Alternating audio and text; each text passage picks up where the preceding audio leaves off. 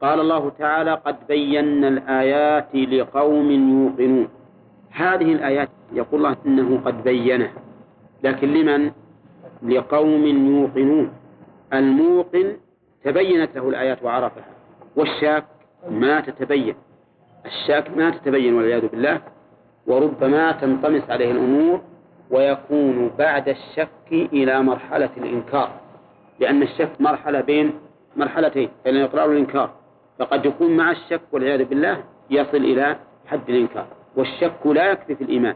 وفي هذا الآية قد بينا الآيات دليل على أن الله قد أقام الحجة وعلى أن الآيات ما تنفع كل أحد إنما تنفع من أيقن من أيقن.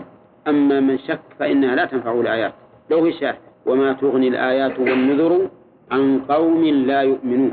جوال الشيخ ابن عثيمين رحمه الله تعالى إشراقة علم وبوابة فقه.